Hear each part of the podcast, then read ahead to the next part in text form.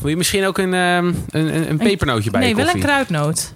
Oh jee, gaan we deze discussie Nou, voeren, deze ja? discussie, ik probeer net uit te leggen wat het verschil is. En je luistert gewoon niet naar me. Nee, want het zijn gewoon pepernoten. Nee, pepernoten Zo- en kruidnoten Je- zijn niet hetzelfde.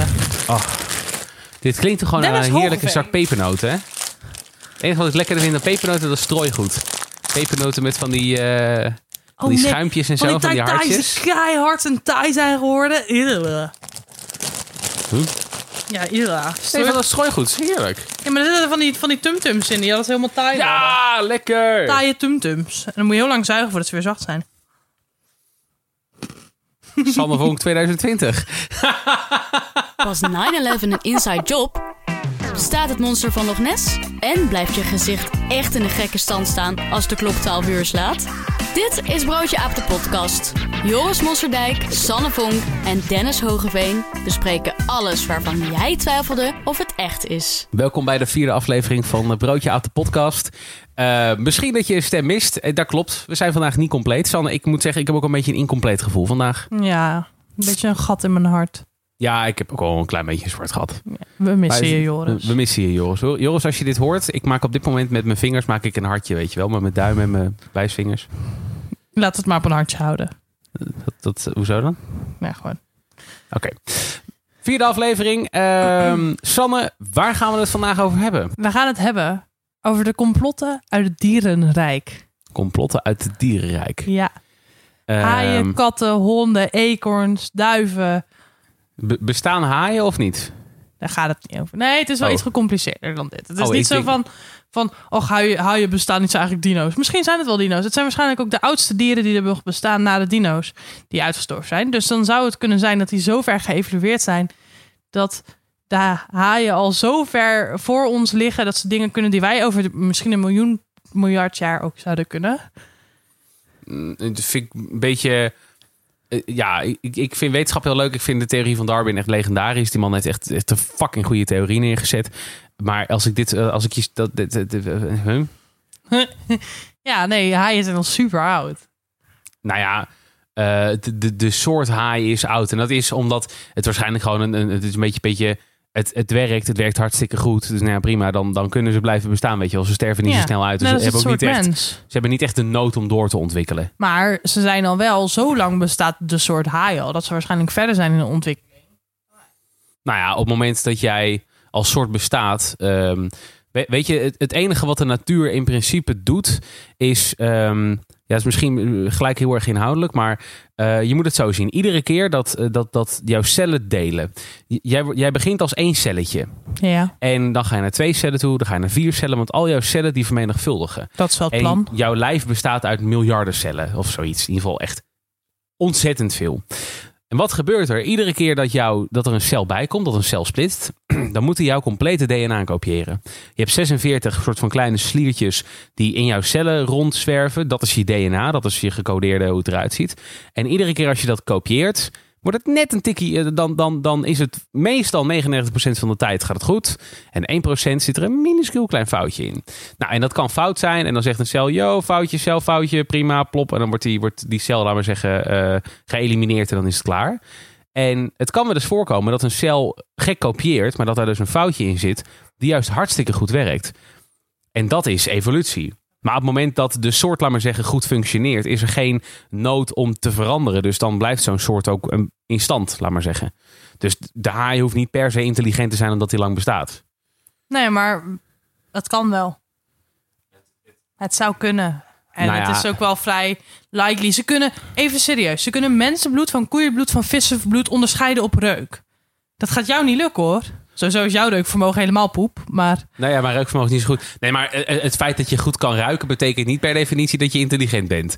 Kijk even naar honden. Honden zijn ontzettend lieve beesten. En ik moet zeggen, ik, ik wil mijn hele... Als, mama, als je luistert, deze is voor jou. Ik wil al mijn hele leven een hond. En ik mocht geen hond van mijn ouders. En ik heb er nog steeds een trauma van.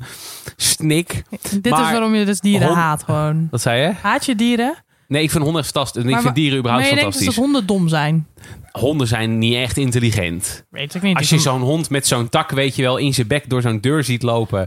En dat hij zo toing, weet je wel, dat hij er niet doorheen kan. En dat hij denkt, laat ik het nog een keer proberen. Dan toing, nog een keer er niet doorheen kan. Net zolang tot de tak breekt. Of dat, dat hij op een gegeven moment denkt, nou, ik geef het op. In plaats van dat hij er eventjes zij waar het doorheen gaat. Honden zijn niet per definitie intelligent, maar ze kunnen echt supergoed ruiken. Maar de gemiddelde mens kan ook zulke domme dingen doen. Maar goed, we gaan naar complottheorieën rond in het dierenrijk. sorry. Tot Ja. zover honden. En mam, eh, ik wil nog steeds een hond, heel graag. Ja.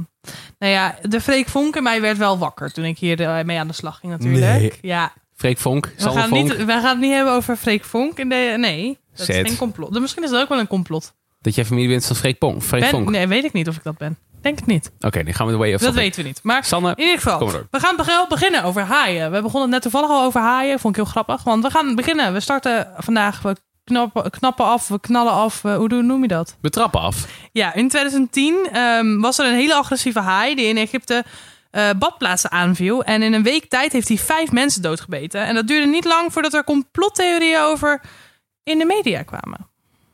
Mag ik gokje doen? Ja.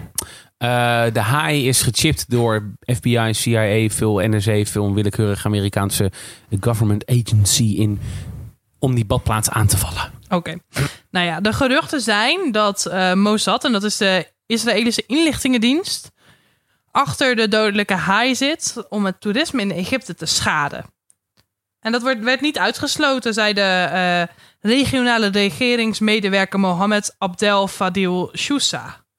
Sho- Sorry voor de achternaam, ik ben er niet zo goed in. Snap ik, maakt niet uit, maakt niet uit. Israël wilde niet reageren op deze belachelijke beschuldigingen. Maar dit was dus een complot eh, die dus eigenlijk door Egypte werd... eh, nou ja, in de media werd geholpen. Want het zou dus door Israël komen dat deze haai toeristen aanviel. What the fuck? Ja, Dit is wel echt bizar. ja en, en zo'nzelfde iets ging over een... ehm, in Saoedi-Arabië was in 2011 was er een gier te gast. En eh, dat zou Dat is een... zo'n eh, zo'n grote vogel, toch? Zo'n hele grote vogel die in Disney-films boven de lijken ziet vliegen. Ja. ja, dat zou dus een eh, spion zijn geweest. En die was uitge- uitgerust met een GPS-zender. En een, een serie ringen aan de poten... waarop onder andere Tel Aviv, UNIF, Israël te lezen was. Israëlische autoriteiten ontkenden dat de Mossad-gier onderdeel was van een complot. En de vogel droeg een satellietzender om zijn trekwegen en verspreidingsgebied in kaart te brengen. Maar ook daarin zag, zagen ze dus een spion Heftig. van Mossad. dus ehm, dat is eigenlijk een beetje de eerste. Dat is even, even hè, dus we gaan van haaien en gieren. Dus, dus dieren worden eigenlijk ingezet om een politieke agenda te vervullen. Ja, dat is dus wel wat ze denken. Dus Saoedi-Arabië en Egypte dachten dat Mossad, de, de Israëlische inlichtingendienst, gewoon beesten inzet om... eh, Maar heel even. Stel je voor dat je bij Mossad werkt. ja. Die Israëlische inlichtingendienst.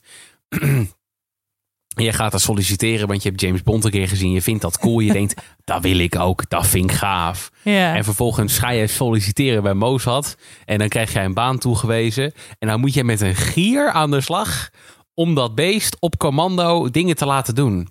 ja. Dan heb je toch de kutste baan op aarde. Dat dat Maar- je werk is. Je kan toch ook je duiven... Je hebt ook van die duivenwedstrijden. Die vliegen toch ook weer terug naar hun originele huis, Ja, toch? Maar dat- dat Hoe is- werken dat- duivenwedstrijden? Ik dat weet is, volgens mij hebben ze een soort intern kompas of zo. Waardoor ze dat heel goed kunnen. Omdat ze ook goed kunnen. Maar, maar, maar een gier dit aanleren. Daar ben je toch weken mee bezig met. Oké, en dan nu moet je die persoon. En dan ga je, moet je- hoe moet je aan een gier uitleggen dat hij iemand doodmaakt? Maar niet jou. Dat is echt, echt heel lastig, lijkt me. ja. Ik denk echt dat je, dat je echt, echt geen leuke baan hebt. Nee. Nee, ik, eh, ik ben niet jaloers. En wat vind je er dan van dat in 1908 Duitse militairen duiven gebruikten om luchtfoto's te maken? In welk jaar? 1908? In 1908. Huh? Bestond toen de fotocamera al In vraag heen? 1908 gebruikten Duitse militairen duiven om luchtfoto's te maken. Toen bestonden er al soort van camera's. Dat is wel gaaf. Maar, maar dat is ook best wel logisch. Dat als je, een als je zo'n duif hebt die, weet ik veel, naar, naar, naar Engeland toe wil... en je wil foto's maken van, de, van Nederland... en je laat hem in Duitsland op... dan kan je gewoon een cameraatje eraan hangen. Hmm. Dit is trouwens geen... Dit is echt, hè? Dit is geen complot. Dus wel, ik, ja, Dit is vind- even echt om, om, om die gier even te onderbouwen. Want eh 30 jaar later, dus 1938, gebruikten de Britten duiven als koerier om inlichtingen te winnen. Dus per parachute werden ze boven Nederland gedropt. Met als bedoeling dat de vinder gegevens op formulieren zou schrijven en de duif weer op eigen kracht naar Engeland kon vliegen. Ook Ja. geen, best wel geniaal. Want ja, we hadden wel het net inderdaad goed, over die ja. wedstrijdduiven. Die vliegen weer terug naar hun huis. En die gaan Ja. de hele wereld over. Ja, precies. Ja, e- e- even, even los van dat, even, even los van de gruweldaden die in oorlogen zijn plaatsgevonden en kanten. En dat is uiteraard daar helemaal niks over. Maar ehm, dat, het is wel briljant dat je op een gegeven moment denkt: ja, we pakken gewoon zo'n duif en we hangen er een camera aan. Ja, hoe kom je erop? Super goed bedacht natuurlijk, Ja. ja. Ook nog een leuk feitje over die eh, Engelse duiven is dat 31 duiven, waaronder de duif G.I. Joe, eh, die ontvingen na de oorlog een eh Dicken Medal, de hoogste Britse onderscheiding voor dieren. Is, is er een medal voor dieren? Ja, Ja, blijkbaar. Oh, oh, even. Oh, Karel, even. doe even je best. Keukenmedaille krijgen. Karel, de grote. Nee, maar, dat, Ja. het is, het, het- maar dat ze daar überhaupt tijd in hebben gestoken om een- een, een medaille voor, voor dieren te bedenken. Ik heb ook wel eens het verhaal gehoord over Rusland. Die hebben een keertje een soort, halverwege de Tweede Wereldoorlog, hebben die eh, onderweg naar Duitsland, hebben die een soort beer geadopteerd of zo. En die is onderdeel van het leger geworden en, en daar hebben ze mee gevochten. En die heeft ook meegevochten en zo. Is super bizar. Die, die heeft ook echt, die heeft op een gegeven moment heeft hij ook echt een aanstelling gekregen en, en een medaille en alles. En, oh, fucking- Nice. Is gewoon een fucking beer. Dat is wel, is wel cool op zich dat je, ja, dat, dat, dat je collega is of zo. Heb je wel leuke verhalen te vertellen Ja. later, denk ik. Nou ja, dan heb je echt een beer van een collega. Oké, maar we gaan even iets minder ver terug in de tijd. In Ik vond 2007. het wel leuk grapjes hadden, dat wil ik wel nog even zeggen. Ik vond het een leuk ik ben er nooit zo van de grapjes maken. Hè? Nee, woordgrapjes, de- de- deze vond ik leuk. Deze Ja, vond ik leuk. Ja. Maar in 2007 arresteerde het Iraanse leger 14 spionerende eekhoorns. Echt? Ja, ja, de verdachten droegen spionageapparatuur van buitenlandse agentschappen en ze werden tegengehouden voordat ze konden handelen dankzij de alertheid van de, onze inlichtingendienst, zegt het, per- het per- persbureau IRNA, het Iraanse persbureau. Wat geniaal. Ja, het zou gaan dus om, om getrainde eekhoorns die specifieke opdrachten moesten uitvoeren en na het vervullen van hun opdracht zouden ze terugkeren naar de grens eh, en de informatie aftappen. Wat goed. Wat, maar waarom zou je hier geen... Even serieus, stel hè, jij bent... Weet ik veel, een leider van, eh, van, eh, van Dennis Bekistan. Dennis Dat is jouw land, Dennis Bekistan. Ja, ja, leuk. En jij wil heel graag alle informatie hebben van het land van Joris. Ja, En dat is wel mooi omdat Joris er niet bij is. Kunnen we wel een soort van complot tegen ja, hem nee, maar e- gewoon even, even, even, even relativeren. En jij denkt dus, ja, ik moet wat informatie hebben. Maar hij heeft het door als ik met een vliegtuig boven zo vlieg. Zeker als de microfoons uithangen. Weet ik veel hoe dat werkt, jongens. Ik ben niet zo heel goed. Ik kijk ook geen James Bond films. Het spijt me, ik vind het agressief. Oh. Is ja, wel leuk. En, ehm, maar in ieder geval, eh, ja, en dan denk je, ja, hoe moet ik het dan doen? Ja, dan zet ik maar eekhoorns in. Ja, waarom niet? Waarom zou je geen microfoontje om een eekhoorntje binden en hem laten lopen? Dat is wel echt. Dat is Ik- ik- geniaal? Maar ik vind eekhoorns ook wel. Dat, dat, ik, ik, wil nou, ik vind dat ook wel hele schattige beestjes. Ook, Ja. weet je wel. Ik zou dat ook, als je zo'n eekhoorn ziet, denk je ook niet. Oh, jij komt hier spioneren voor de vijand. Oh, dat denk je niet. Nee, maar je kan. Nee. dus, het is zo moeilijk om iets schattigs en naïefs met iets gemeens te koppelen. Ja, ja dat is ook. Dat, dat, dat in je hoofd is, dat, is, dat kost dat best Dat wel moeite, inderdaad. Nee.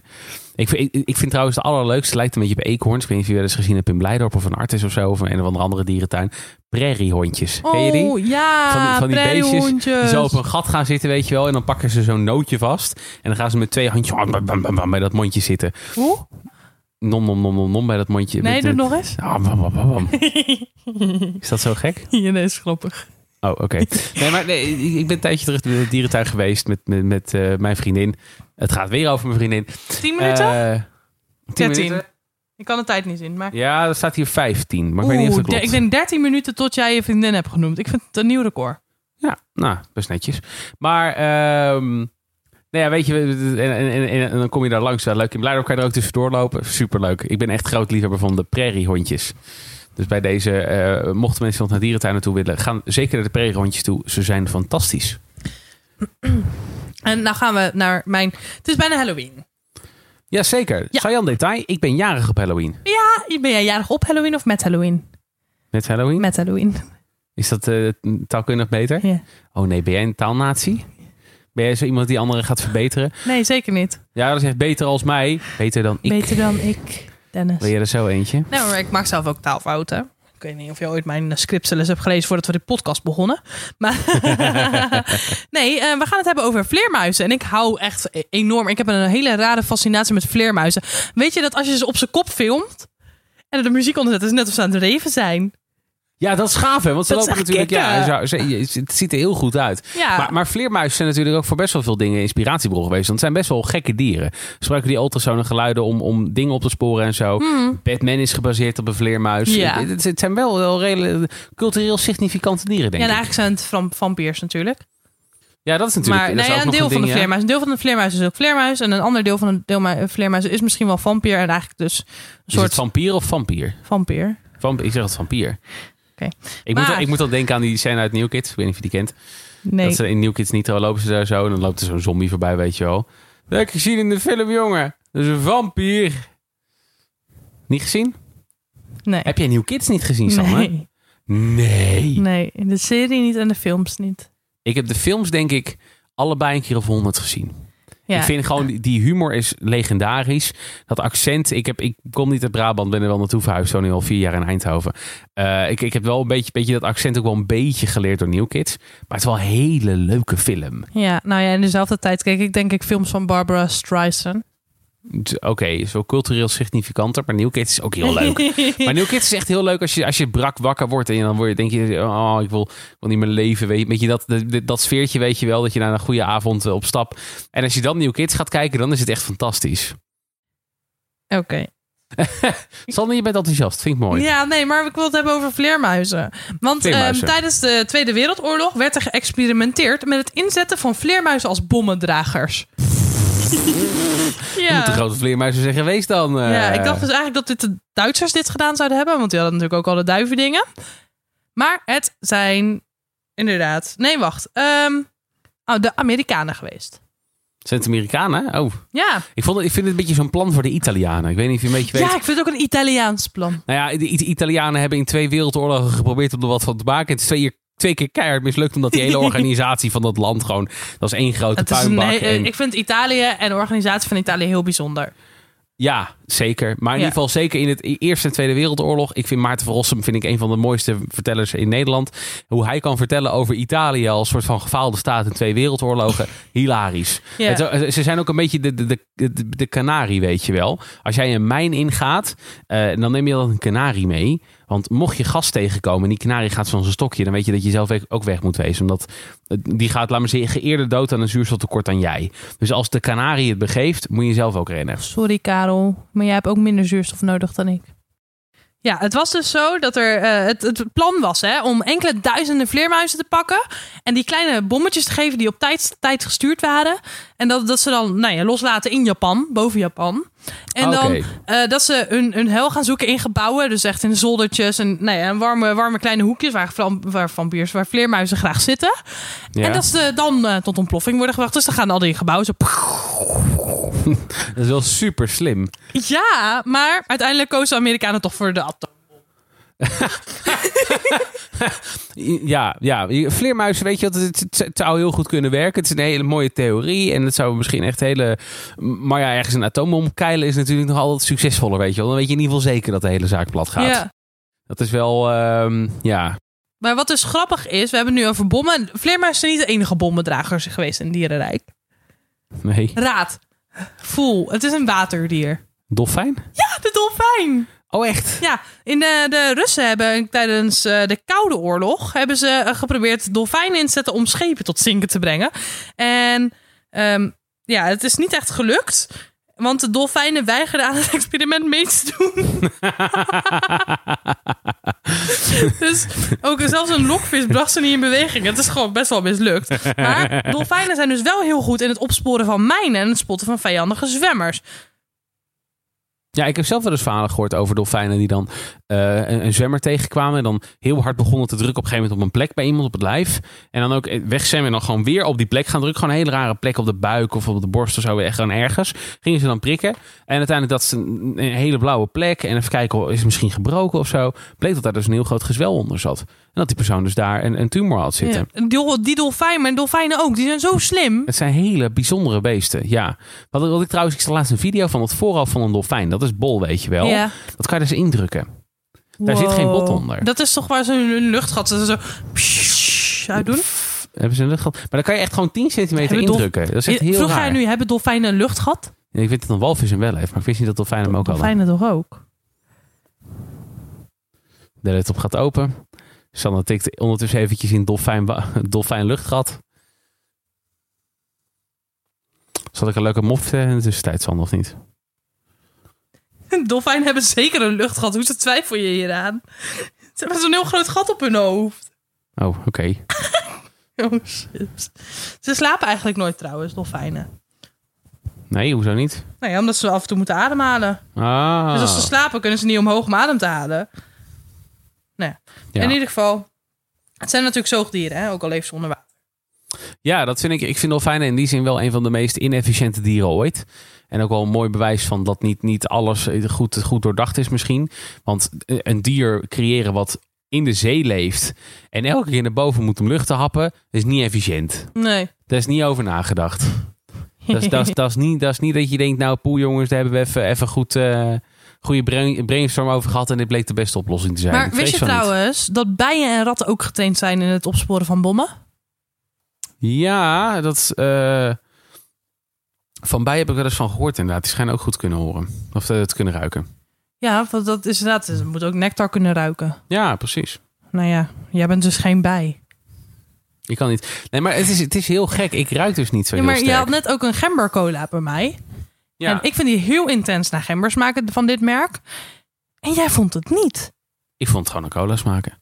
Ik, Dat ik- is bizar. Maar dan ben ik echt heel benieuwd hoe voor jou cola smaakt. Wil ik wel eens testen. Dat gaan we een keer doen. Kijken wat jij... eh, het, Maar- het klassieke cola ik, ik heb het één keertje gehad. Om heel even over mijn reuk. Ehm, ik, ik had dus een tijdje terug. Toen was het introweek in Tilburg. dat heb je vorige podcast ook verteld. Heb ik dat vorige Want het gaat over verteld? jouw uh, bierkantus en jouw bierdouche. Oh. En dat jij een sollicitatiegesprek had. Het blouseje nog een keer hebt aangetrokken. ja. Luister vooral aflevering 3 nog een keer. Ja, eens terugluisteren is mooi dat je dat zo in die. Nou, dat, dat, ik heb dus twee, twee afwijkingen in het leven. Waarschijnlijk meer, maar die kan ik me niet herinneren. En dat komt omdat ik, ik heb een heel slecht korttermijn geheugen. En ik weet nooit aan wie ik wat verteld heb. Daarom, ik lieg ook nooit. Want als ik lieg, dan vergeet ik aan wie ik leugen heb verteld. Dat gaat altijd fout. Eh, en het tweede ding is dat ik dus niet zo goed kan ruiken. Dat zijn een beetje mijn twee flaws. Hey, ik wil het ook ben nog... ik een hele leuke, spontane jongen. We gaan zo naar een, eh, naar een specifieke ras waar heel veel complotten over zijn. Ja, Maar we gaan eerst nog even praten over Menus. Menus. Ja, Menus kon het niet navertellen. Menus was een ooievaar. En ehm, Ja, die was ook zo'n eh, zo'n spion in Egypte. ja. Voor, ja. En nou, die is een paar dagen in de cel gegooid. En toen mocht hij weg van de. eh, nou ja, hij mocht pas weg toen de officier van justitie daar toestemming voor gaf. Hij vloog naar een eiland in de Nijl en daar werd hij gedood en opgegeten. ah. Nou, ik kan wel zeggen dat het echt Menus was. eh. Nee. Dus dit is geen leuk woord. Jij maakt er net bijna hetzelfde woordgrapjes van. hè? En deze mag dan niet. Ja, daarom. Ja. Oh. Oké, nou dan maar. maar Dan, bij deze wil ik mijn grap graag terugtrekken. ik wil het heel graag hebben over een, een dier waar ik zo geïnspireerd... Nee, ja, niet geïnspireerd. Hoe noem je dat? Niet obsessed, maar... Weet je, wat je gewoon een heel leuk dier vindt. Ja, ik vind, nee, ik vind het een heel interessant dier. Gaan we het over de panda hebben toevallig? Nee, maar ik hou van panda's. Oh, baby Pan- panda's zijn echt het, het, het allerdomste dier op aarde. Ja, maakt Ik niet heb ooit, uit. ooit een biologiedocent gehad en die heeft legendarische woorden uitgesproken. Dat die beesten zichzelf nog niet uit hebben laten sterven is echt een wereldwonder. Want je moet je voorstellen, panda's zijn één keer per jaar vruchtbaar. Je moet er als mens echt panda-porno aan te pas halen om ze überhaupt dat te laten doen. Om, om überhaupt een, een- een kleine panda uit te laten komen.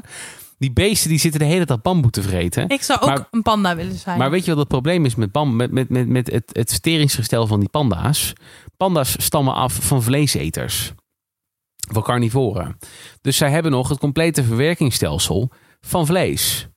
Maar ze kunnen alleen bamboe eten. Want als ze geen bamboe eten, gaan ze dood. Maar zijn dan veganisten niet eigenlijk panda's? Eh, nou ja, het, het probleem met panda's is dat ze 80% van alle bamboe gewoon onverteerd eruit schijten. Waardoor ze zoveel moeten eten om maar aan de genoeg hoeveelheid calorieën te komen om in leven te blijven. Grappig. Ik ben benieuwd waarom ze dan gekozen hebben voor alleen maar bamboe. Ja, dat is Of gewoon is zo bamboe? geëvalueerd. Bamboe. Zijn, Ik zei bamboe. Bamboe. Hebben we hier ook een klemtoon issue? Bamboe? eh, ba- bamboe, ja. Maar we gaan het niet hebben over panda's. Oh, oké. We gaan we het dan over het hebben over katten. Oh. Ja, Ben jij een kat of een eh, hondenmens? Ehm, ik heb geen voorkeur. Ik ben wel echt 100% hondenmens. Ja, ik heb, een, vind katten zo arrogant. Ah, ik heb de allerliefste Labrador. En ik heb twee hele lieve katten. Labrador Bij zijn papi lief. en mami. Oh, wat ben jij lieve Labrador. Oh. Ja, ik heb echt zo'n zo'n zo'n vloerkleed van een Labrador. Ik heb hier een soort vloerkleed, maar dat had ook mijn hond kunnen zijn. Oh. Zo, hij ligt altijd zo. Zo met, nou ja, je hebt geen beeld op podcast. Maar hij ligt altijd met zijn armen wijd, zijn benen wijd, zeg maar, even voor het, voor het beeld. Hij heeft natuurlijk vier benen, maar hij ligt altijd zo plat, zo... pff. Is het zo'n klassieke Labrador, zo'n kortharig of is het zo'n langharig? Eh, redelijk kortharig. Ja. ja, heb ik een beetje een Zo'n hele zwarte met donkbruine ogen. Het is Ja. de mooiste Labrador die je ooit hebt gezien. Oh. Maar dat zegt iedereen over zijn eigen hond. Nee, Kun- we gaan het kunnen we hebben over katten. Kun je me een keertje meenemen naar de podcast? Eh, nee, want dan moet ik... eh, ik wil hem knuffelen. niet- dat zou kunnen misschien, maar niet hier, want dan moet ik daarna weer alles stofzuigen, omdat ik dan de hele dag nies. Oké. Maar goed, nou, we gaan het dus over katten hebben. En want eh, in de eh, Egyptische oudheid is er voor het eerst geweest dat er katten vermeld werden in de documenten. Ja, oké. Ja, en dat is in het grote Egypte werden katten eh, aanbeden als geschenken van goden, van de goden. Ja. En eh, een deel daarvan is waar, van, dit, van deze theorie. Ehm, maar ze zijn ook kattenfossielen gaan opgraven om te kijken hoe oud ze nou echt waren. En ze zijn er waarschijnlijk al wel langer. Maar de beste gok ehm, was voor de oorsprong van de huiskat eh, dat ze ongeveer een beetje ouder waren, maar niet heel veel ouder dan E- oude Egypte. Dus het is wel een beetje waar. Want rond die tijd kwamen de katten die wij kennen, Hmm. dus pas eigenlijk in de wereld. Oh. Maar het is dus heel grappig, want het exporteren van gedomesticeerde, gedomesticeerde katten, gedomesticeerd is toch goed woord? Domesticeerd, ja. Gedom en dat betekent dat ze lief zijn. Nou ja, de domesticatie is een best wel proces. Ik vind het interessant. Ik heb hier echt toevallig laatst nog wat over gelezen. Ehm, de, domesticatie betekent dat je een, een diersoort pakt en dat je, dat, dat je die diersoort soort van lief gaat maken. We hebben dat bij wolven gedaan. We hadden op een gegeven moment een hele roedel wolven. En van die wolven wa- was er eentje, waren er twee of drie waren de liefste, laat maar zeggen. Nou, die ging je kruisen met, en daar kwamen dan puppies uit. En die puppies, dan had je weer de, de, de, de, de minst lieve en de liefste. Hmm. En de liefste die ging je net zo lang kruisen. En als je dat lang genoeg doet, dan op een gegeven moment krijg je alleen maar lieve puppies. Is dat Dan je- honden hebben gekregen? En zo hebben we honden gekregen. maar zijn dan hebben we wolven ook en met- honden precies hebben we ook hetzelfde? met paarden gedaan, hebben we met kamelen gedaan, hebben we met een hele reeks aan dieren gedaan. In Europa hadden wij ook eh, van oudsher ontzettend veel dieren die goed gedomesticeerd konden worden. Eh, omdat ze gewoon precies de dingen hadden die wij willen. Eh, bijvoorbeeld ehm, runderen, die zijn gedomesticeerd. We hebben ze koeien gemaakt dat ze nog meer ehm, melk kunnen produceren. We hebben varkens, dat, je had ooit zwijnen en daar hebben wij varkens van gemaakt. Die weer precies andere... Nou, en zo hebben we een hele reeks van dieren eigenlijk omgevormd en anders gemaakt zoals wij dat graag wilden. En katten die zijn inderdaad in de Egyptische tijd bij ons komen wonen. Toen voornamelijk in, ehm, in, in die grote eh, opslagruimtes. En daar zaten dan vaak ratten, want ja, la- lag voedsel en zo lag daar opgeslagen. En die katten die gingen op die ratten jagen. Dus dan is er een soort van de symbiose aangegaan zijn we met die katten in die tijd. Van, joh, we geven jullie eten, jullie mogen hier zijn, het is helemaal prima. Maar het waren toen nog niet de katten zoals wij ze kennen, dat je ze kan aaien en dat ze lekker bij je komen kroelen. Dat is pas rond 1500 volgens mij. Toen zijn we pas echt begonnen met het domesticeren van de kat. Dus daarvoor gebruikten ze al wel en hadden we al wel een soort van samenwerking met ze. Maar daarna zijn we ze echt gaan veranderen in de naakte kat en de, de, de, de kroelkat en de huiskat die op je sloot komt zitten en die je de hele dag kunt aaien. Maar dat hebben we dus zelf gecreëerd, net als Ja. de hond. Nou, wat dus grappig is, is dat die, eh, dat die lieve katten zeg maar illegaal waren om te exporteren vanuit Egypte. En daarom zijn ze pas jaren later gevonden in andere beschavingen. Dus bijvoorbeeld Oh. hier, de- daarom zijn ze dus pas heel veel later vanuit Egypte het, naar ons toegekomen. Ja, En ehm, de kattenskeletten die buiten Egypte zijn gevonden en ouder zijn dan de uit oude Egypte, weten ze niet of die gedomesticeerd waren of niet. En eh, dat is eigenlijk nog steeds niet helemaal bekend. Dus het is een beetje onduidelijk ja. of de katten die wij kennen inderdaad van toen zijn of van later. Of van Oh, wat grappig. En dat is echt heel grappig. Maar ik heb nog meer kattenconspiracies. Ik heb ooit een film gezien over katten die, die samen zweren om de wereld te veroveren. Is het trouwens een beetje die kant op of niet? Ehm, nou, ja. Toevallig ga ik het hebben over het spinnen van een kat. Ja. Want het is een raadsel waarom katten spinnen. Niemand weet het, wetenschappers komen er niet achter. Nee. En het zou dus kunnen zijn dat het een soort feedback is. Alsof het, zeg maar, zo'n transmissiesignaal is die, die vleermuizen ook doen. Zo, en dan, dat ze dan communiceren met elkaar, maar dan via dat spinnen. Zo, hoe, hoe spint een kat? Dit is echt gênant. Jij bent een betere kat dan ik. Ik ben echt een hond. Zoiets. Dat is een beetje eng. Is dat eng? Dat klonk een beetje eng.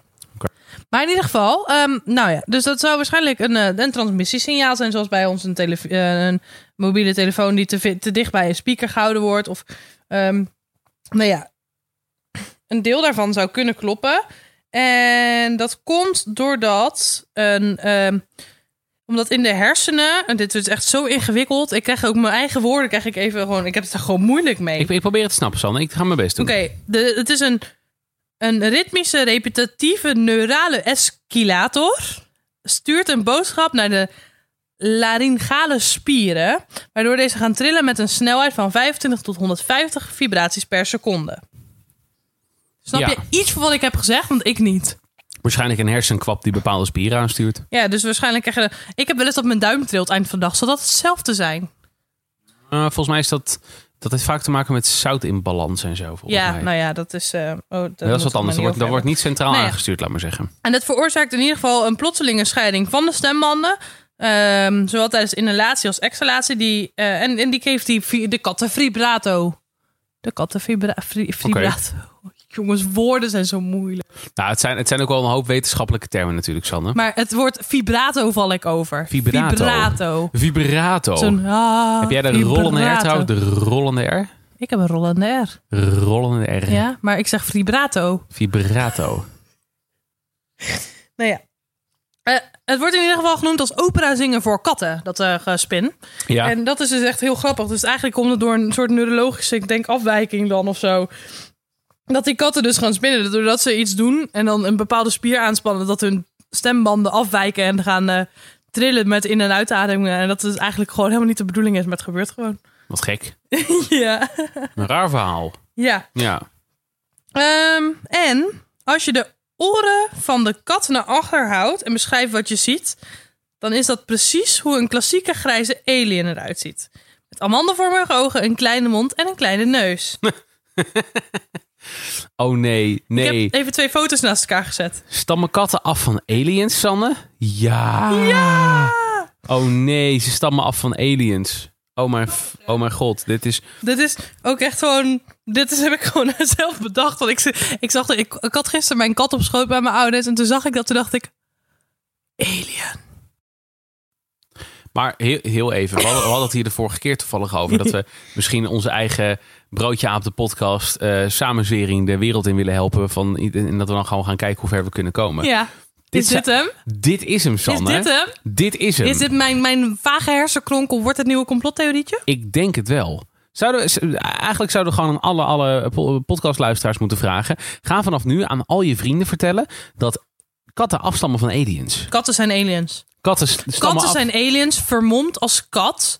Omdat wij die lief hebben en als huisdier willen hebben. Zodat ze ons kunnen afluisteren. En onze tv's kunnen afluisteren. Zodat ze dat naar hun thuisplaneet kunnen communiceren. Met hun trilhaartjes. Oftewel, het tijdens de spinnen. En daarom Geniaal! spinnen ze. Nee. Dit is leuk! Oh, ik hou hiervan. Dit is Nee. echt bam, mind blown. Het is waar. Dit kan niet anders dan waar zijn. Ja, bel jij Janet Osselbaard of niet? Ja, ik zal even appen. heb, je, heb, je, heb jij haar We mogen complotgekkies nooit voor gek uitmaken. Want er zit Hoor- hoor je- altijd een kern van waarheid in. En zij deze- durven vragen wel te stellen die wij niet durven te stellen. Ik, ik, ik maak. ehm, de- de- de- ja, oké, ben ik wel met je eens. Ik vind inderdaad, we moeten respect hebben voor mensen. En ze mogen al wat vragen stellen. En dat is goed dat je dat doet. Eh, alleen Jeannette Ossebaard vind ik wel een bepaald type Ze gaat complotaanhanger. Ze gaat heel ver. Ja, en ik vind ook eh, het argument wat zij aanhaalt, en dat doet ze best wel vaak, het argument, we zien het allemaal om ons heen. Ik vind dat niet zo sterk. Ik vind ook van alle mensen die eh, iets geconstateerd hebben en zeggen dat er een complot gaande is en dat naar buiten toe brengen, vind ik Jeannette gewoon op argumentenniveau niet de allersterkste van allemaal. En daarom vind ik haar grappig, maar op het moment dat jij twijfelt aan de werkelijkheid en daar vragen over durft te stellen en met goede argumenten komt en me echt kunt overtuigen, zal ik daar altijd voorstander van Nou, zijn. ik heb Alleen sowieso alle respect is- voor andere denkenden. eh, Zeker, dat, maar dat mag ook altijd. Ja. Hè? Weet je, eh, of je gelovig bent of niet, eh, dat, dat mag allemaal, dat is helemaal prima. Ehm, alleen, ik vind dat het zo jammer als mensen niet de juiste argumenten kunnen aanvoeren om het te onderbouwen, weet je wel. Want je eindigt heel gauw in, ja, we zien het allemaal om ons heen. Ja. Eh, je ziet het misgaan. En op het moment dat je dat soort argumenten gaat gebruiken, dan heb jij bijvoorbeeld over het feit dat je ziet dat het restaurant tegenover, dat daar eh, steeds minder mensen naartoe komen. Eh, en ik denk dan misschien aan, want ik woon in Eindhoven, totaal andere situatie. Ik denk aan dat er laatst bij mij in de straat iemand is neergestoken, weet je wel. Maar omdat er in ieders leven wel iets misgaat, Ja. en doordat je het niet specificeert, kun je dus alles wat fout gaat aan de wereld, kun je soort van gaan koppelen aan bepaalde situaties, waardoor ja, d- d- het is één grote drogreden. Het Ja. slaat nergens op. Maar ik en daarom haar- vind ik haar gewoon niet goed. Ik vond haar graancirkeltheorie vind ik wel heel sterk. Daar heeft ze jaren onderzoek in gedaan. Ja. Even serieus. En ik vind haar theorie en eh, argumentering en, en, en, en onderbouwing eigenlijk best wel sterk. Ja, en, maar dat is ook haar vakgebied. Ja, en eh, zij treedt op een gegeven moment buiten haar vakgebied. En dan gaat fout. Dat denk ik. Ja, dat weet ik niet. Ik ben daar een beetje open over. Maar ik vind haar uh, graancirkeltheorie heel erg interessant. En ik zeg Ja. niet dat ik het niet geloof. Ik heb daar ook wel wat over gekeken en over geluisterd. En dat vond ik inder- inderdaad ook zeer interessant. Want zij heeft er inderdaad onderzoek naar gedaan. En ze is naar die velden toe geweest. En ze heeft het allemaal gezien. En dat vind ik wel heel interessant. Daar kunnen we het misschien wel een keertje over hebben, Sanne.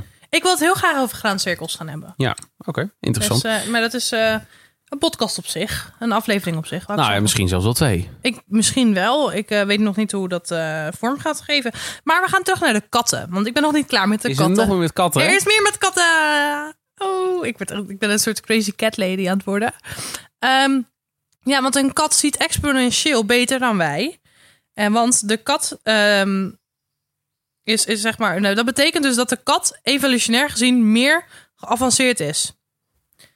En dat is echt heel grappig. Want een kat... ehm, de katten die naar ons staren met die grote ogen... omdat die, dit eh, zouden cameraatjes zijn... die al onze acties opnemen en terugzenden Oh, naar grijze aliens... die ze daar geplaatst hebben. Dus toch die aliens! Ja. Oh, we kunnen weer. het alleen maar sterker onderbouwen hierdoor. Nou, hè? ik vind maar, maar heel eventjes, ik weet niet of je dit. Ik, ik heb ook een legendarische biologiedocent gehad ooit. En die heeft een keertje de woorden uitgesproken. Die, die, die heeft ook een keer verteld over onze ogen. Onze ogen, dat is even een domme onderneming geweest. Ik weet niet wie dat bedacht heeft. Welke kneus dat voor de tekentafel heeft zitten bedenken. Maar dat gaat, dat gaat echt helemaal nergens over. Als jij. Je ogen bestaan aan de binnenkant uit allemaal cellen die zijn lichtgevoelig. Komt daar een lichtdeeltje op, dan gaat er een stroompje lopen naar je hersens toe en je maakt daar een beeld uit. Dat is een beetje hoe je ogen Mhm. werken. Als jij, maar dat moet bekabeld worden, weet je. Ja. Want die elektrische stroompjes die moeten ergens doorheen lopen. Ja, Waar leg jij de bekabeling neer, Sanne? in mijn hersenen. Nee, maar als je, laat maar zeggen dat dit dat er een soort, soort, soort eh, heel, hele, gro- heel groot vlak met op allemaal van die celletjes die licht kunnen ontvangen. Eigenlijk een tv. Ja, een beetje Ja. zo'n scherm, maar dan ontvangt die licht en zet het om in stroompjes in je hoofd. En dat neem je waar, laat maar zeggen. toch aan de achterkant de kabeltjes, want dan zie je Exact. Weet je waar de kabeltjes in jouw ogen zitten? Nee. Aan de voorkant. Waarom? Dat is toch niet Ja. logisch? Omdat je oog niet bedacht is, maar door de tijd heen langzaam ontstaan is. Oké, Het is maar... niet al, het is in ieder geval als je de, de evolutietheorie aanhangt, zoals ik, eh, dan ga je ervan uit dat het oog is toevallig ontstaan, bij puur toeval. Vanwege zo'n foutje in hoe cellen gekopieerd Maar zijn. het is juist super praktisch toch? En is het dan niet daarom ontstaan? En niet per ongeluk door een foutje, maar juist omdat nou, het is per we het nodig hadden ont- om te kunnen jagen. Het is per ongeluk ontstaan. En het is gebleven omdat het effectief bleek. Ja, zo. Dus het, het, het was zinvol en daarom is het gebleken, gebleven. Octopussen bijvoorbeeld, die hebben op een, een totaal andere evolutionaire tak hebben zij ogen ontwikkeld. Wij- onze ogen hebben heel veel weg van de ogen van chimpansees en zo. Omdat we die ogen zijn, laat maar zeggen, ooit ontwikkeld. Ja. En alle dieren die daarna ontstaan zijn uit die lijn, die hebben dezelfde type ogen. Ja.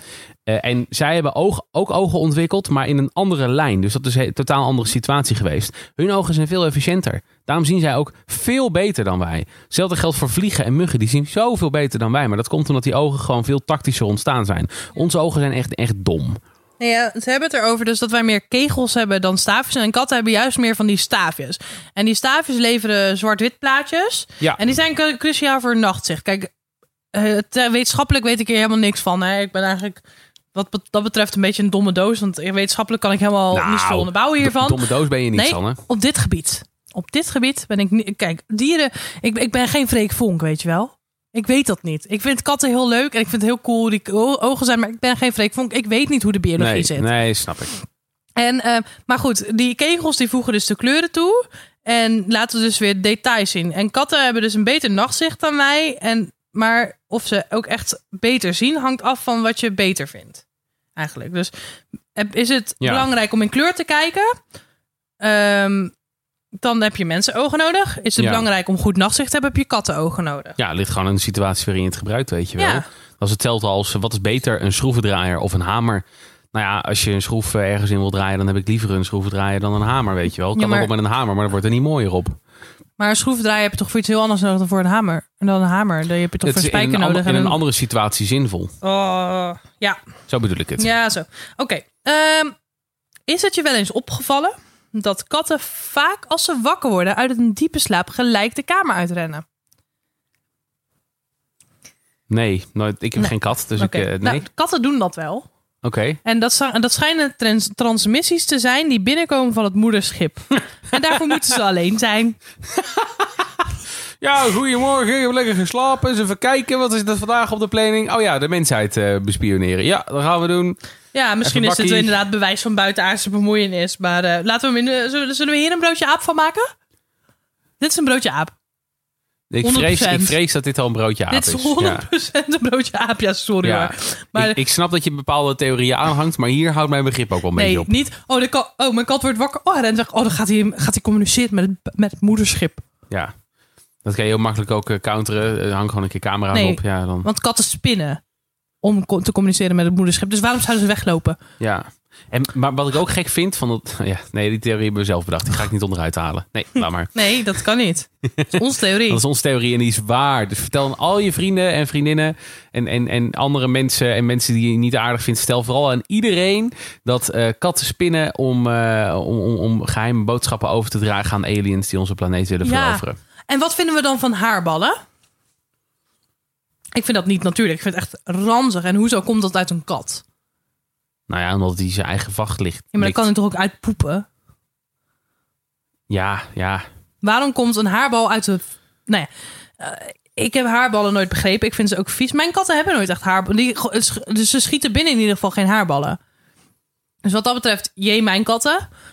Heb je een naaktkat of... eh, Nee, oh. nee, niet echt. Ik heb eh, van een hele lieve Europese korthaartjes. Maar ehm, ja, hun, ook hun, hun plas en hun poep is ook anders dan bij andere zoogdieren. Weet je wel? En het stinkt vooral heel erg. Echt heel erg kattenpis. Ja, maar dat is anders dan bij andere zoogdieren. En hoezo? Ja, geen idee. Het is Komt het door hun dieet? Of is het gewoon... Is eigenlijk...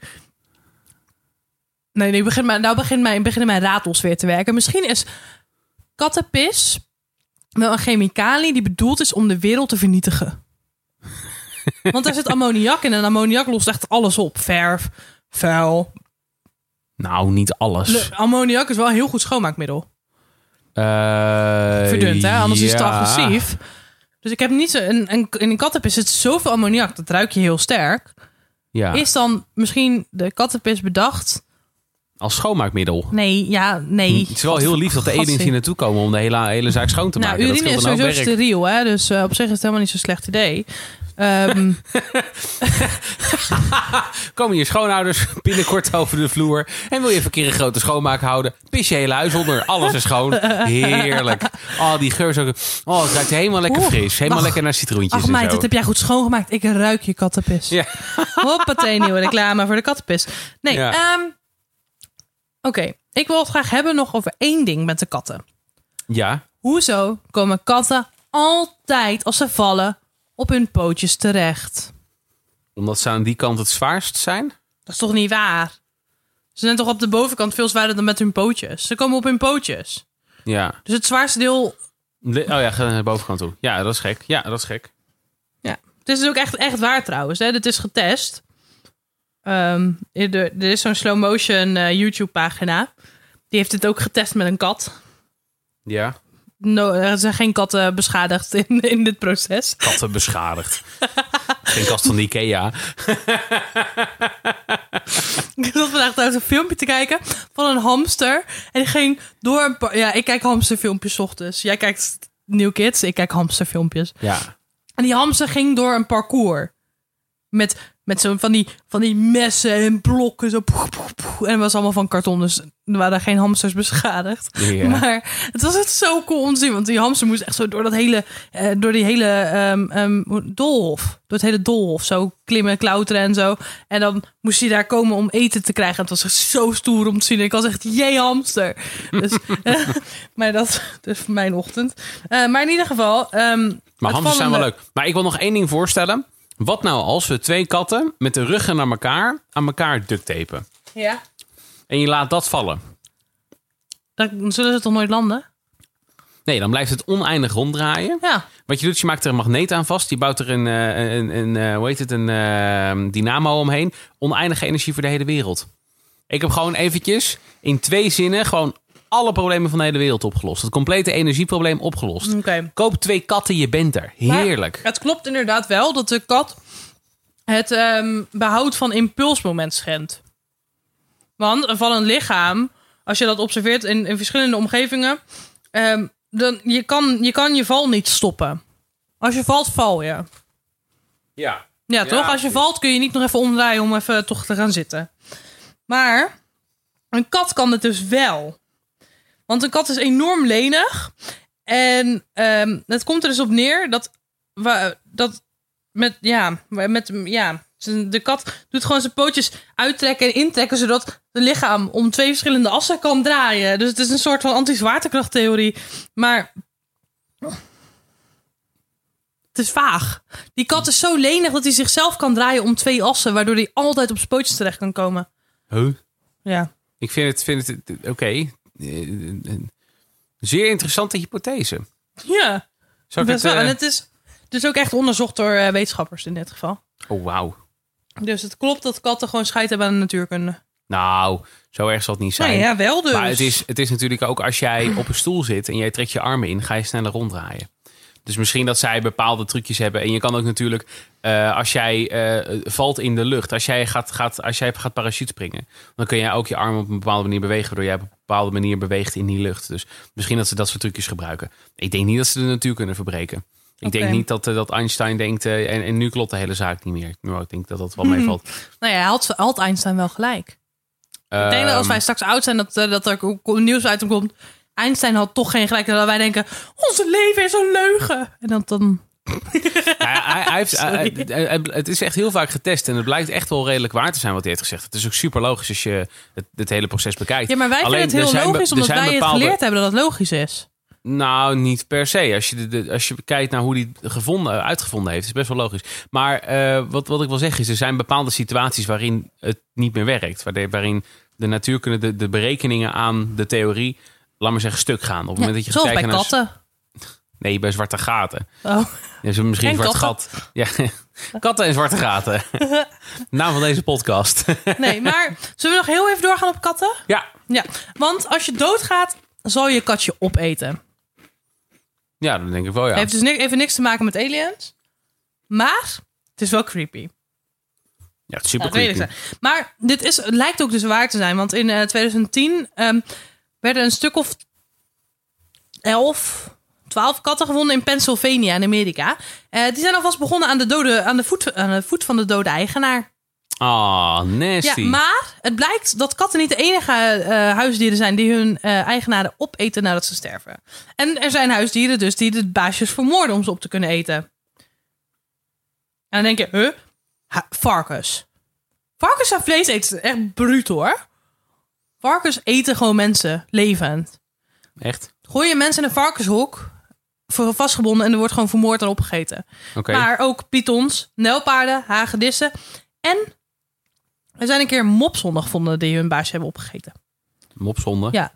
Eh, ik, vind mop- het ook, ik vind het ook niet de leukste honden, mopshonden. Ik vind mopshonden kunnen heel leuk zijn. En eh, echt, dat, dat ze zo gehaat worden is niet altijd terecht. Maar eh mopshonden, waren twee mopshonden uit Nebraska... die twee weken lang van het lijk van hun baasje leefden... nadat er zelfmoord had gepleegd. Dat is echt heel erg. Ah, dat is wel echt heel raar. Ja, is heel naar. Ja, maar Als, als- het is natuurlijk ook als Honden zijn hond kan je- vleeseters. Je moet iets eten. En je jachtinst... op een gegeven moment als je honger krijgt, gaat je jachtinstinct aan. Dan heb jij ook... Jij, even serieus, jij belde mij vandaag. En ik had gekookt. En jij zegt maar...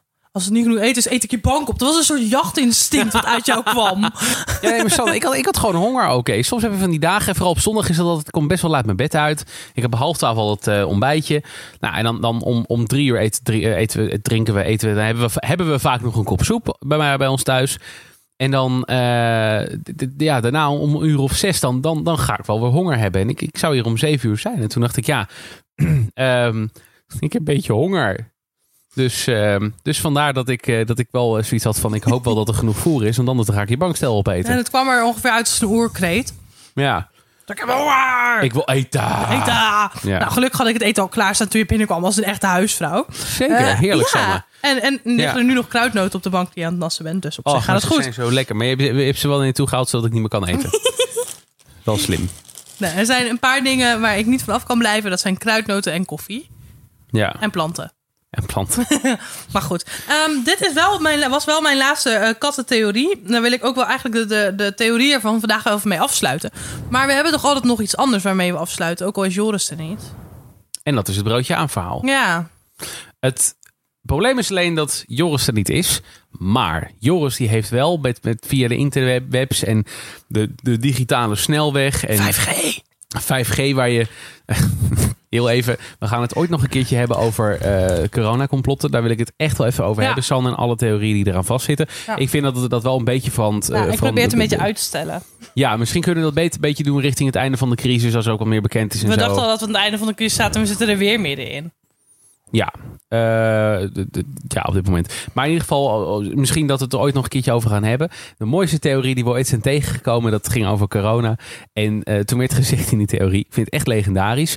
Ehm, nee, ja, er zit in zo'n medisch mondkapje, in ieder geval zo'n semi-medisch mondkapje, Klopt. zit een metalen draadje aan de bovenkant. Ja. Weet je waarom dat draadje erin zit? Vroeg jij aan mij. Ik zei, werkelijk geen idee. En toen kwam jij met de legendarische tekst, dan kan je 5G ontvangen en corona krijgen. Nou, toen ik dat hoorde, dacht ik echt, maar dit heeft dus iemand, dit heeft iemand bedacht. maar- Hier hebben gewoon mensen over na zitten denken die dachten, is goed plan dit, is goed plan. Maar luister, ik onthoud dat soort dingen dus. ja, ik vind Dat is dus een beetje, dat is mijn kronkel. Ik onthoud dat soort stomme dingen. ja, ik vond het wel een hele goede theorie. Ik kan mijn pincode niet eens onthouden. Ik wel, die voor mij is 7. eh, eh, nee, ik ga hem niet voorlezen. 1, 2, 3, 4. We gaan door naar Joris. Joris heeft ons een, een mooie audioboodschap achtergelaten met een broodje aapverhaal. Eh Sanne, ik ben heel benieuwd wat hij gezegd Heb heeft. jij hem al stiekem geluisterd? Nee, ik heb hem niet geluisterd. Geloof je dat? Dat zweer ik, hand op mijn hart. Ik, ik tuf nu Gadverdamme. door mijn vingers heen. Het ligt Ranzig. daar op je tafel. Echt fijn. Kan Ja, ik weer poetsen? Nou ja, je- Nee, de je fles je Dettel is eh, je nog niet Je leeg. zei net dat je, dat je huisvrouw bent Ik ben geweest best wel dus- huisvrouw. Ja, dus dan kan je... Dan kan je, Hit me up, je- huisman. Oh nee, een man die werkt, want dan kan ik huisvrouw worden. Lijkt Echt, me heer... zou- li- Soms lijkt het me best lekker. Kijk, ik ben heel erg ik ben dol op mijn werk. Ja, passie voor mijn werk. Maar soms zou ik echt een huisvrouw willen zijn.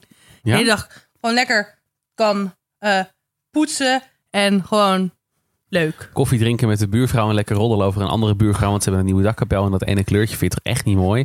Dat. Oh, soms, hou, soms wil ik een desperate housewife zijn.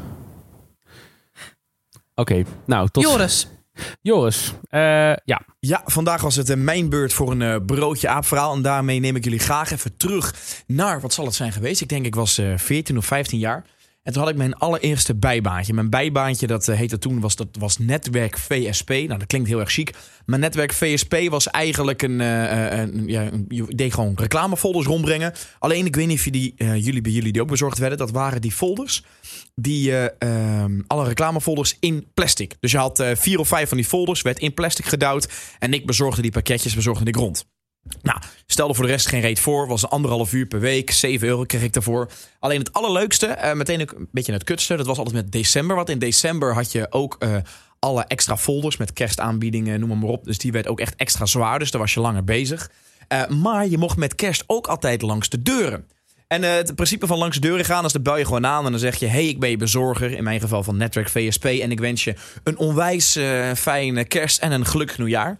Nou, dat zei je, maar de achterliggende gedachte was... yo, ik loop het hele jaar hier al eh, kost en moeite te besparen... eh, om jou je, je pakketjes te geven en om je, je, je, reclamefolders te geven. Geef gewoon even 50 cent, een euro, 2 euro, weet je wel. En dan heb ik weer een leuke fooi. Nou, vervolgens was het zelfs zo dat heel veel mensen ook een keer niet open deden... Dus dat resulteerde er uiteindelijk in dat je dan de week later weer terug moest komen en noem het allemaal maar op. Maar er waren ook gewoon mensen die dan aankeken. Die gewoon stoïcijns lachen. Ah ja, wat leuk. Ja, dankjewel dat je net door weer en wind loopt. Nou ja, jij ook hetzelfde. Bam, deur dicht. En ik moet heel eerlijk zeggen, dat pikte ik niet. Dus wat ik toen een aantal keer gedaan heb eh, bij verschillende mensen, het ligt aan hoe erg het was. Je had drie variaties. Je had variaties van de mensen met huisdieren. Eh, er waren een paar mensen die hadden eh, honden. En zodra de, de, de, de brievenbus op begon te klingelen, renden zij blaffend naar de deur. En dan trokken zij het netwerk VSP-pakketje uit de brievenbus. Nou, dat vond ik hartstikke leuk. Ze kwamen dus aanrennen. Ik begon te klepelen. Ik deed dat ding erin. En op het moment dat de hond aankwam, trok ik hem terug. Waardoor die hond keihard zijn neus stootte tegen, tegen, het, tegen de deur. Nou, karma's a bitch.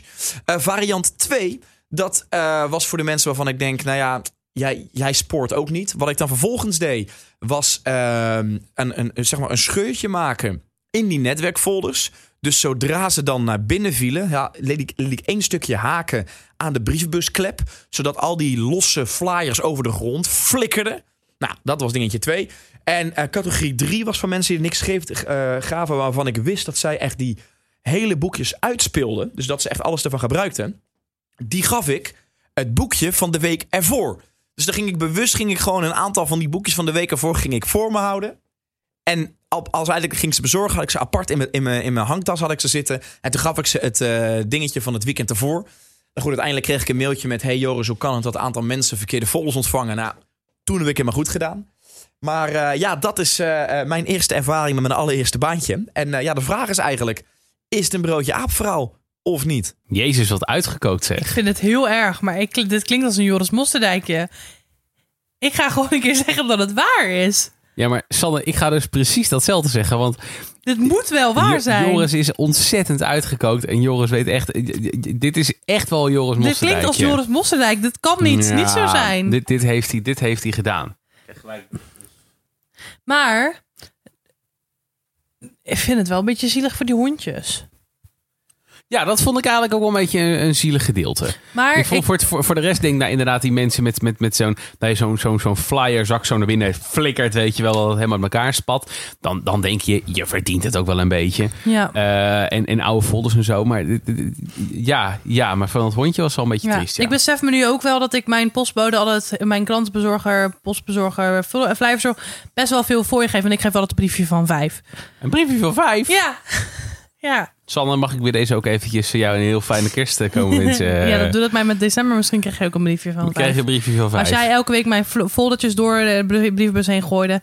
Hier krijg, waar ik nu woon krijg ik geen folders trouwens. Maar vroeger deden wij dat eh, wel. En toen gaf ik altijd een brief van vijf. Maar eerlijkheid doet bekennen dat dat op het werk was. En dat ik dat van de bazin moest doen. Maar wij gaven altijd een briefje van vijf aan de de postbezorgster. bazin? Mm. Nou, in, de, in de kroeg. In de kroeg waar ik. Oh, oké. Ik vind het vind, eh, spannend Dus, klinken, Bazin. ja, dus maar in ieder geval, ik denk Joris dat het waar is.